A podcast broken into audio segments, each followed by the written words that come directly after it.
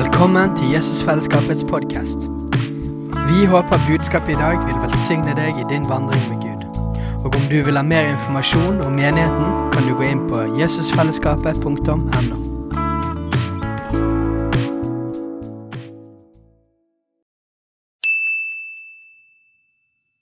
Hei! Visste du at Jesusfellesskapet starter en ny bibelskole til høsten? Den heter Jesusskolen og starter den 3. september. Gå inn på jesusskolen.no for mer informasjon.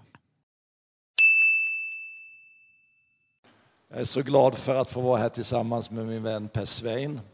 Vi har känt varandra i hundra år. Ja, men det stämmer faktiskt för att jag har känt han nästan 50 år, han har känt mig 50 år. Lägger du ihop det så blir det ju faktiskt 100 år. Amen.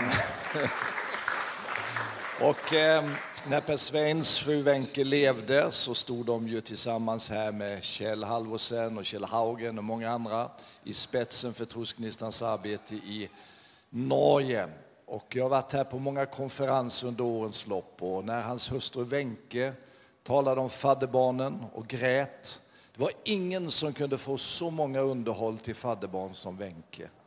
Och många av dem där ute som får hjälp idag har fått den genom Per Svein och Wenche. Vi tackar Gud för det. Tack för att ni är med. Ni som finns här idag som är med trofast och stötta. Och tack för att jag nu får lära känna nya vänner här i Jesu fällskap. Och vi är glada för att Yngvar har kommit in i arbetet också. Tack ska ni ha. Jag heter David Uveskog och eh, har jobbat alltså med den här missionen i många år nu. Jag vet inte, kan jag få någon som kan hjälpa Eh, Natasha med översättningen om det finns någon syster här som kan sätta sig bredvid henne och översätta från engelska eller från norska till engelska. Du gjorde det så jättebra min broder med översättning. Det är inte så jättelätt för dig dialekter och grejer men nu får Wenche, eh, äh, eller på att säga, men nu får Natasha en syster som hjälper henne med översättningen jättefint. Jag ska försöka hålla tiden här så jag ska sluta i god tid. Men eh, den här resan till Norge har varit lite speciell för oss. Vi har haft årsmöte här igår och eh, det är i den norska delen. Vi jobbar tillsammans, Sverige och Norge och eh, så underbart att se vad Gud gör tillsammans, att det också växer. Tack Yngvar för allt du har lagt ner, ditt stora engagemang. Och jag har jobbat med Trosgnistans mission sedan 70-talet. Jag kom med väldigt tidigt, i början av 70-talet. Gud grep våra hjärtan. Egentligen så var vi bara ungdomar som åkte ut på missionsarbetet. Kurt Johansson hade varit en eh, raggare, säger vi i Sverige. Han höll på med både lite eh, olika saker. Eh, levde ett syndfullt liv fastän han kom från en kristen familj. Beslutade sig i tonåren för att fly från sitt hem och ta värvning i franska främlingslegionen. Men på vägen dit, någonstans på autobahn i Tyskland, hittade några poliser honom och skickade hem honom igen till mamma och pappa. Men han blev en Guds äventyrare istället, kom på ett Maranatamöte i Jönköping någon gång på 60-talet och blev frälst och blev satt i brand för Guds rike och åkte land och rike runt och vittnade om Jesus, kom upp till Hälsingland, i Bollnäs där, där jag bor nu och till Edsbyn och min fru var en av de första som blev frälst på Kurts möten. Och så har vi stått tillsammans i många år nu och sett det här arbetet växa. När vi var ute i Kenya i början så sa en del andra missionssällskap att det här kommer aldrig att lyckas för er, ni är ju bara ungdomar allihop. Vi var inte välutbildade, men vi hade fått elden och vi har fått glöden i vårt hjärta. Och utifrån det så har det växt till vad det är idag och det är vi fullst, eh, oerhört tacksamma till Herren för. Underbart. Jag ska läsa ett ord här idag som kom till mig. Jag hade förberett någonting annat, men det har blivit så levande för mig just under de här två dagarna när jag varit här. Hur Gud gör när han utväljer människor. Att eh, du vet att när ett företag ska etablera sig, säkert finns det en del duktiga företagare här, när man sätter sig ner och man gör en kalkyl och man lägger upp strategier, då är man ju oerhört noggrann med att man utväljer kompetenta människor. Välutbildat folk, man tar in deras CV, man studerar deras bakgrund och man tänker sig att ja, vi måste ha med in rätt människor med rätt bakgrund, väl kvalificerade för sina uppgifter. Och så lägger man grunden för sina strategier. Eh, Jesus hade ju en liten annan metod när han valde människor som skulle vara med i det företag och i den rörelse som skulle bli världens största rörelse som skulle nå miljontals människor och förvandla människors liv över hela vår värld och fortsätter att göra det. Han gick inte efter de mänskliga CVna. Han gick inte efter de mänskliga kvalifikationerna utan när Gud utvalde så gjorde han det på ett helt annat sätt. Och vi ska läsa ifrån Matteus evangelium, det nionde kapitlet och ifrån den nionde versen. Och där läser vi om tullindrivaren Matteus och hans kallelse. Och det står så här, Jesus fortsatte därifrån, om Kafarnaum alltså, och då såg han en man som hette Matteus sitta utanför tullhuset. Och han sade till honom, följ mig. Och när Matteus steg upp och följde honom och när sedan Jesus låg till bords eh, och han, han sade följ mig och Matteus stod upp och följde honom. När Jesus sedan låg till bords i hans hus kom många tullindrivare och syndare dit och lade sig till bords tillsammans med honom och hans lärjungar. Fariseerna som såg det sade till lärjungarna hur kan er mästare äta tillsammans med tullindrivare och syndare? Och han hörde det och han sa, det är inte de friska som behöver läkare, utan de sjuka. Gå och lär er vad som menas med orden barmhärtighet vill jag se och icke offer. Ty jag har inte kommit för att kalla rättfärdiga, utan för att kalla syndare. Det här, den här texten den är så stark och så gripande. Jesus hade ju sin verksamhet i stor utsträckning runt den galileiska sjön. Och han hade kallat fiskarna, Petrus, Andreas, Johannes, Jakob och hela det här gänget som höll på med sitt fiskeyrke. Och de hade beslutat sig för att följa Jesus. Det var enkla människor eh, duktiga i sitt yrke, men de hade nåtts av Jesu kallelse. Matteus bakgrund var lite annorlunda.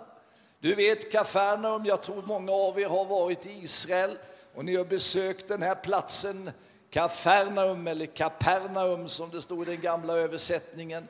Den låg vid en viktig brytpunkt, en viktig väg mellan Jerusalem och Damaskus och sedan sidenvägarna och vägarna in i Asien. Och där vandrade mycket folk förbi och de romerska myndigheterna de var ju beroende att få in sina inkomster. Och de satte upp ett tullhus utanför Kafarnaum och de såg till att de som höll på att fiska sannerligen inte skulle slippa undan och betala sin skatt utan de skulle besann betala allt eftersom de fick fångsten. Oftast var procentsatsen mellan 2 till 12 procent. Och för att få hjälp att driva in den där skatten av de som hade förrättningar och affärer och de som bara passerade förbi så behövde de hjälp av duktiga judar som kunde skriva och läsa. Och de tog värvning liksom i den romerska myndigheten för att dra in pengarna, inte bara till romarna utan de hade oftast en tanke på att fylla sina egna fickor med penningar också. Och det var den tidens mest föraktade människor utifrån hur andra judar såg på dem. När Jesus kom där vägen förbi den här dagen, förmodligen kanske på våren år 28 efter Jesu födelse, så stannade han till vid Matteus tullbot. Jag vet inte vad som utspelade sig i mötet mellan Jesus och tulltjänstemannen Matteus. Men jag är ganska säker på att både Petrus och Johannes och Jakob och de övriga, de gillade inte att Jesus stannade till vid Matteus tullbod. Vad har du där att göra Jesus? Vi är ju med i ditt gäng, men han är ju emot oss alla och han bara ställer ju till problem för oss. Men du vet att Jesus ser på människan lite annorlunda än vad vi gör. En person som vi tycker kanske är den värsta utav alla, kanske djupt där inne i sitt hjärta har den där längtan efter ett annat liv. Det där materiella, de där pengarna som han tjänade kunde ju aldrig tillfredsställa hans inre. Vi lever i västvärlden ett gott liv. Norge kanske ett av det bästa materiellt sett. Oljelandet Norge, vi sneglar på det här landet i väster och tycker att det är ju otroligt vad mycket olja ni har fått här. Och ibland så tänker väl vi svenskar vi kanske skulle ha fått behållt er i vår union. Eh, jag vet när, eh, när jag var liten och jag eh, hörde om det här med 17 maj och firandet så tänkte jag ju alltid att det är befrielsen från tyskarna Norge firar på 17 maj. Men så förstod jag, det var ju inte så, utan grunden låg ju i befrielse från svenskarna. Ja. Men vi unnar er allt gott. Ja. Men jag kan säga för oss svenskar är det lite dyrt att vara här. Vi tycker det är det dyraste landet i världen nästan. Men ni tjänar ju lite bättre än oss i Norge. Vi har det bra på många sätt. Men ändå är det så vänner att det materiella kan aldrig tillfredsställa det som är djupast inom oss. Och därför fanns det säkert en längtan i Matteus liv. Kanske han hade hört talas om Jesu mirakler. Vi läser ju om här innan i texten att en laman hade botats. Och kanske nu den här dagen på våren år 28 när Jesus passerar förbi Matteus tullbord att Matteus ställer en fråga till honom. Du, vad var det som hände egentligen med den där mannen? som vi alla har sett här krypa fram på vägarna. Kan du berätta för mig lite grann? Och så kanske Jesus berättade för honom om Guds rike tände den där längtan, den där lågan i hans inre värld. Och så till slut så säger Jesus Matteus, ställ dig upp och följ mig. Och plötsligt så bara känner han, jag lämnar det här gamla och jag följer Jesus. Ja, men det är ju helt ologiskt. Så gör man ju bara inte. Om man har en anställning eller man har ett uppdrag. Man går ju till sin överordnad. Överordnade, man går ju till sin chef. Och man skriver ju ner och lämnar in sin avskedsansökan och man säger ja, om en månad så vill jag sluta här. Men han gjorde inget sånt. Han författade ingen skrivelse. Han lämnade inte in någon avskedsansökan, för nu var det hans dag. Nu var det hans tillfälle.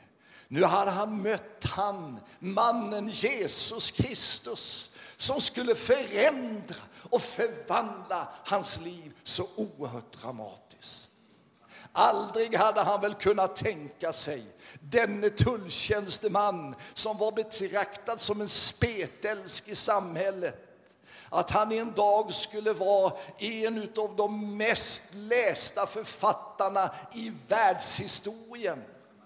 Aldrig hade han väl den vårdagen kunnat tänka sig att han skulle skriva en bok om sina upplevelser tillsammans med Jesus som skulle förändra miljoner av människor över hela vår värld. Men så är han, mästaren Jesus, när han kallar sina människor. Vi har en biskop i Sverige som heter Nils Bolander. Han diktade mycket. Nu vet jag det är svårt med språken och dikter för orden liksom träffar inte riktigt på samma sätt. Men han skrev en dikt som vi ofta läser och den heter så här. Trasiga redskap tar han i sin hand och arbetar med i sitt åkerland. Plogar som ingen vill plöja med ställer han i ordning denne mästers med. Det som människor inte förstod, det utvalde Gud i sin redskapsbod. Det som i världen ingenting var utväljer Gud i sin lego här. Läs missionshistoria. Läs väckelsehistoria. Vad är det för några människor Gud utväljer? Trasiga redskap. Trasiga redskap som mästaren tar i sin hand och förvandlar. Och jag är tacksam till Gud att jag fått göra detta möte med Jesus. Att den eld och den glöd som har tänts i mitt hjärta i mötet med honom förvandlat mitt liv. Det var inte i första hand att Jesus kallade honom till en ny kyrka. Han sa inte Matteus, jag är här för att etablera en ny kyrka, ett nytt samfund. Utan orden som grep honom, det var kallelseorden, följ mig. Och utan att göra en riktig sån där kalkyl, vad kommer detta att innebära ekonomiskt för mig? Förmodligen gift, förmodligen en familj, förmodligen barn. Vad kommer detta att få för konsekvenser? Han lämnar allt och följer Jesus. Vi vet inte så mycket om hans historia, men traditionen talar om att efter att han hade fått vara med som Ja, han var ju med om en dramatisk upplevelse. Han har ju beskrivit det i sina 28 kapitel. Så fick han gå ut med evangelium till olika länder runt omkring. Man vet inte om Matteus led martyrdöden. Du är bibellärare, förstår jag. Jag vet inte, känner du till lite grann om det verkligen är dokumenterat? En del säger att han dog en naturlig död. Andra säger att det bara var Johannes som på en Patmos var den enda lärjungen som dog en naturlig död. Förmodligen dog han martyrdöden. Men han lämnade ett eftermäle därför att han hade mött mannen Jesus Kristus.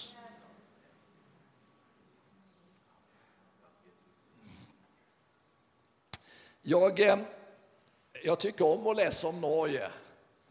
Eh, jag tycker det är spännande. Ni hade, jag har sett en film här nu om eh, kronprinsessan, vad hette hon som eh, var under kriget och kom till Amerika? Vad hette hon? Ja. Och, har ni sett den filmen? Den har gått på Netflix. Jag förstår många Norge, norsk, eh, från Norge har följt den där filmen.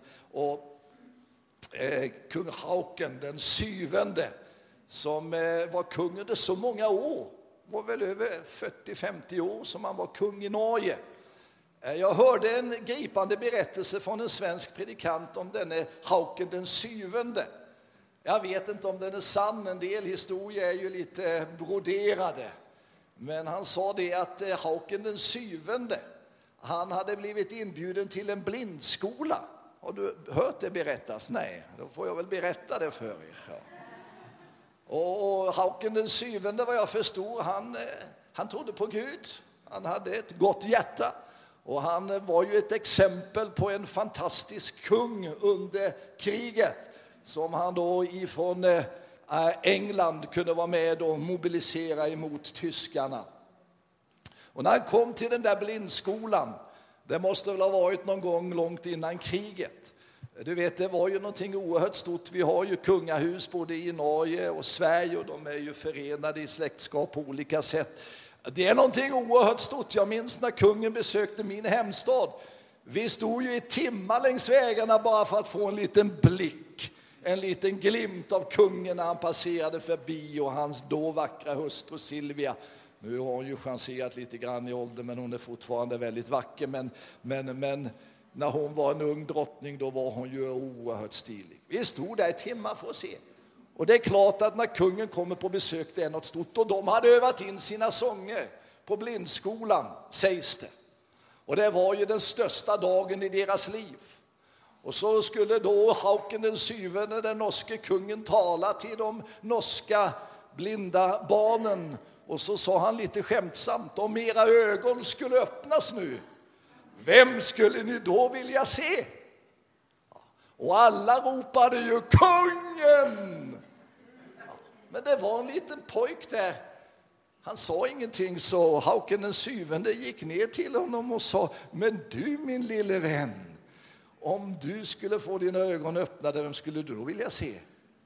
Jag skulle vilja se Jesus, sa pojken. Jag skulle vilja se Jesus. Och då blev kung Hauken den syvende så rörde sitt hjärta, för han trodde ju på Gud han också. Så han sa till honom att ja, det var ett fint svar, min lille gosse, men när du har sett Jesus, vem skulle du då vilja se? Ja, ni förstår ju vad han hade tänkt att pojken skulle svara. Men då lär pojken ha sagt så här att när jag har sett Jesus, då behöver jag inte se någon mer.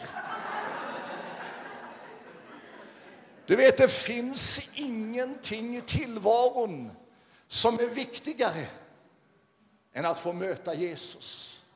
Det finns ingenting som är större än att få göra denna fantastiska upplevelse att möta mannen Jesus Kristus. Matteus kommer från ett ord som heter Mattia och det betyder en Guds gåva. En Guds gåva. Och Matteus blev en Guds gåva i lärjungaskapet genom sin kunskap, skribent. Han hade förmodligen som alla judiska barn fått börja i skolan i fem års ålder, lära sig att läsa och skriva. Det var ju anledningen till att han fick uppgiften som tulltjänsteman. Nu kunde han med de kunskaper, med den färdigheten som han hade vara med och ge oss den bok som är den första i Nya testamentet och som har inspirerat oss alla och lagt grunden för evangelium. Jag vet inte, eh, berättelsen om hans möte med Jesus finns nedskriven hos Lukas också. Men jag vet inte varför Markus och Johannes tycks ha utelämnat hela den här berättelsen. Kanske de tyckte det var lite genant att en tulltjänsteman skulle vara med i skaran. Han fick ju vara med naturligtvis, men vi behöver väl inte upprepa hans rykte och hans bakgrund. Du vet att när Matteus nu hade gjort detta möte med Jesus så bjöd han ju hem Jesus för det skulle ju vara fest hos Jesus. Skulle ju fira det här fantastiska mötet. Och då började de ju prata och säga så här att du vet fariséerna och de skriftledare stod där med sina anteckningsböcker och skulle hitta alla fel. Det var ju inte i rätt sällskap Jesus var. Det var ju bland publikaner och skökor och så vidare. Och nu hade ju listan på anklagelser blivit väldigt lång. Och hade de haft Google och Facebook och Twitter då hade det nog varit många sådana här smygbilder och kanske en och annan utav de här som är hade tagit lite selfies. Nu för jag var med Jesus. Och så hade det blivit stora rubriker i Aftonposten. Tänk vilket sällskap han omger sig med. Du vet som det är i den politiska världen, guilty by association. Ja.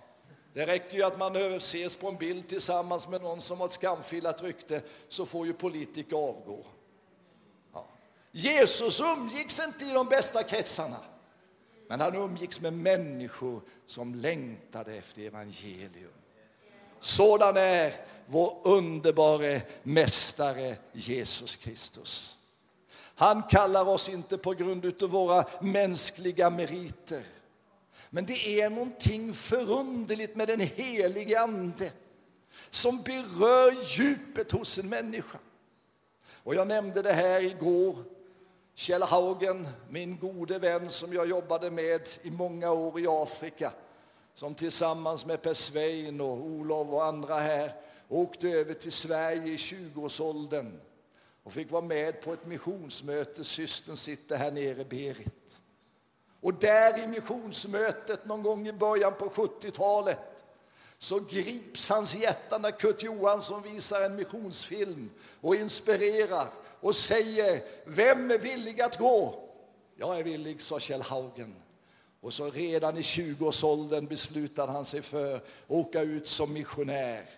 Åka, från, eh, åka till ett, ett område uppe i bergen i Taita Hills där det knappt bodde några Ja, det bodde ju folk naturligtvis, men det var ett pionjärarbete utav eh, mäktiga slag. Han fick uppleva kallelsen i sitt liv och det förvandlade honom. Och det på något sätt, med mycket annat här i menigheten i Bergen, har flätat vår historia tillsammans. När vi säger att vi har känt varandra i hundra år, 50 plus 50 så är det på grund av att Gud i ungdomsåren kallade oss i tjänst i Guds rike. Inte därför, Per att vi var perfekta, inte därför att vi alltid kunde det som var bäst, men därför att vi var villiga att gå. Det finns ingenting som är mer välsignat, eller det finns ingenting som är mer viktigt i livet än att äga Guds välsignelse över sig. Jag är tacksam för den familj jag är uppväxt i. Vi är sju syskon, vi är flera predikanter i familjen. Pappa var alltid mån om att vi skulle vara med på gudstjänst och möten och få del av det andliga. Hur många av er kommer ihåg en tjänstegåva som heter Katrin Kullman? Katrin Kullman. Hon kom till Sverige 1969 och hade stora möten i Rosenlundshallen i Jönköping. Och pappa sa till min lillebror Göran och till mig att nu åker vi till Jönköping, jag hyr in, er på, jag hyr in oss på ett hotell i Jönköping och så ska vi vara med på möten. Vi var i 15-årsåldern. Vi tyckte det var det mest spännande vi kunde uppleva i vårt liv. Det var så fullt i, i mötena så vi stod en timma och väntade på att komma in i den största lokalen som fanns i Jönköping. Och, och Göran han hade klättrat upp på någon avsats eh, Eh, det var någon upphöjd liten plattform. Där satt han för att han skulle få bästa utsikten och kunna dokumentera vad Gud gjorde under de här mötena. Och Katrin Kullman kom liksom indansande i gudstjänsten och predikade så det stod härliga till. Men en morgon så, när vi skulle gå till frukosten så, så såg vi plötsligt att Katrin Kullman bodde på samma hotell som oss tillsammans med den kände predikanten Josef Mattsson Bosé som kom från Amerika för att tolka henne. Och nu tänkte pappa, nu är det chansen för mina pojkar här. Så där stod vi vet du, 14-15 års åldern och så kom pappa och, och stoppade Katrin Kullman och sa Please, please, can you pray for my two sons? Och du vet när man är tonåring, man håller ju på att krypa under jorden, man skäms ju så man håller på att dö. Va? Och så kom Josef Mattsson Bosé, den svenska-amerikanske förkunnaren, springande och sa Don't disturb Katrin Kullman. Och så tittade Katrin Kullman på de små pojkarna David och Göran Duveskog. Och så sa hon till min pappa Nice boys you have. Nice boys. Och så stod den där amerikanske, svenska-amerikanske predikanten och var jättenervös. Nice boys you have. Of course I will bring the blessings to your sons. Och så stod vi där. Och så sa Katrin Kullman, can you kneel down? Och vi var ju så väl på att krypa under jorden, men vi kröp ju ner på våra knän. Och vi tyckte jag att vi ville se lite gudfruktiga ut, så vi slutade. Vi slöt våra ögon. Och så la hon sina händer på oss och så bad hon välsignelsens bön. Jag tänkte inte så mycket på det där under flera år, men jag tänkte sedan, det var någonting som skedde den där stunden i gången på hotellet när pappa stoppade Katrin Kullman för att be välsignelsens bön. Välsignelsen av Jesus Kristus är mer värt än allting annat.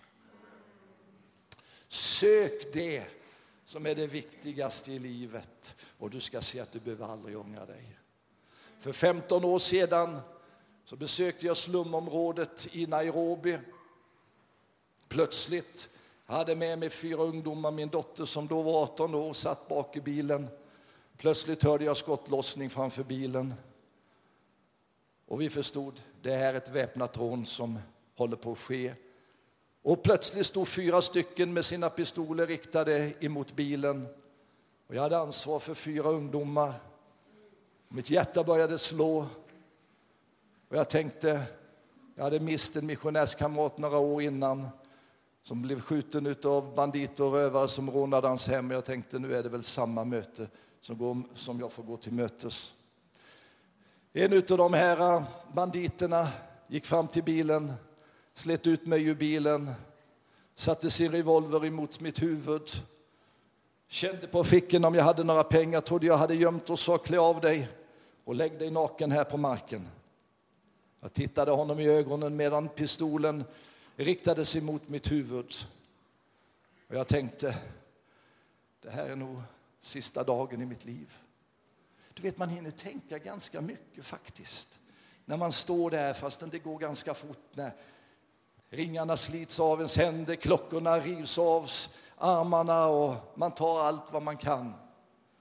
Så tänkte jag så här att ska jag dra med mina kläder och lägga mig ner här så får jag väl bara ett nackskott. Det är lika bra att jag tittar honom i ögonen. Så vädjar jag för mitt liv. Jag vet inte riktigt vad som hände, men det sköts flera skott och plötsligt så kände jag smärta i mitt bakhuvud och jag tog min hand i bakhuvudet och den fylldes med blod. Jag visste inte vad som hade hänt. Jag tänkte i ögonblicket, jag måste ha träffats av ett skott. Och min dotter ropar inifrån bilen, pappa är skjuten, pappa är skjuten. Hon var övertygad om, nu skulle hon förlora sin far. Och så gick det en liten stund och plötsligt så stack banditerna iväg och jag stod där och visste inte vad som hade hänt. Jag togs till sjukhuset, de röntgade mig och läkaren sa du är inte skadad av ett skott. Men jag kan se ringen efter pistolmynningen. Han har slagit dig med pistolen. Det är allt som har hänt. Och jag tackade Gud som hade räddat mitt liv. Men när jag stod där med pistolen emot mitt huvud så tänkte jag, jag har levt ett gott liv. Ska jag nu få ge mitt liv, kommer nu att bränna av det där skottet, så vet jag en sak. Jag behöver inte ångra att jag har följt Jesus. Jag ska få möta min mästare Jesus Kristus. Och jag kände på något sätt Gud gav mig en andra chans att få fortsätta. Jag vill fortsätta så länge som jag har möjlighet att förkunna budskapet om Jesus. Jag ska avsluta med när jag för några år sedan var på Amsterdams flygplats och skulle flyga vidare till Sverige. Och vi hade någon timme, vi hade kommit från Afrika, så vi tog en stund på hotellet på flygplatsen för att eh, ta en liten dusch och bada lite bastu. Och vi satt där inne och hade det ganska gott och glömde tid och rum. Och plötsligt så såg vi, vi är ju sena. Och så hör vi, jag vet inte hur man gör nu om man ropar ut det, men vi hörde i högtalarna på hela flygplatsen. Last call. David Duveskog, come immediately to the gate. Och jag slängde på mig kläderna och jag sprang så fort jag kunde. Ni har varit i Amsterdam, ni vet hur långt det är att springa där. Och så hörde jag en gång till. We are looking for Mr David Duveskog. Det, vet, det är besvärligt för flygbolagen att lasta ut bagaget och så där när man kommer sent. Va? Jag tror inte de ropar på det sättet nu, men de gjorde det då. This is the last call for Mr David Duveskog. Come to the gate immediately. Och jag hann precis innan de stängde gaten. Vänner, det är ett rop som går ut nu i vår värld. Come to the gate. Come to the pearl gate. Den ska snart stängas. Finns du här idag som ännu inte har gjort dig färdig och redo, gör dig redo Snart stängs dörren. Det är värt sitt pris att följa Jesus. Ska vi be tillsammans? Ska vi stå upp? Tack älskade Jesus för att du är med oss i gudstjänsten idag.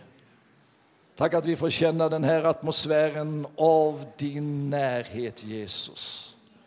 Tack Jesus för att du kallade oss, inte på grund av våra mänskliga meriter, men på grund av att det fanns en längtan djupt in i vårt hjärta.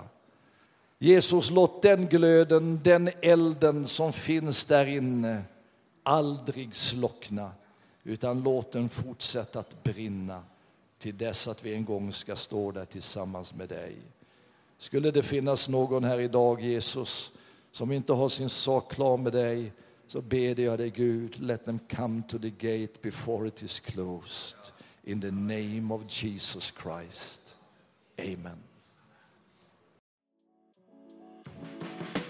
Hei, alle sammen. Det er Katrine og Steinar Lofnes her. Vi er hovedledere for Jesusfellesskapet. Så kjekt du har lyttet til denne podkasten. Har du forresten hørt noen av de andre podkastene våre? Ukens tale, Disippelskolen, Hyrdepodden, Kulturkrigen og Mammas hjerte. Du finner disse podkastene på Spotify, Apple Podkaster og på nettsiden vår jesusfellesskapet.no.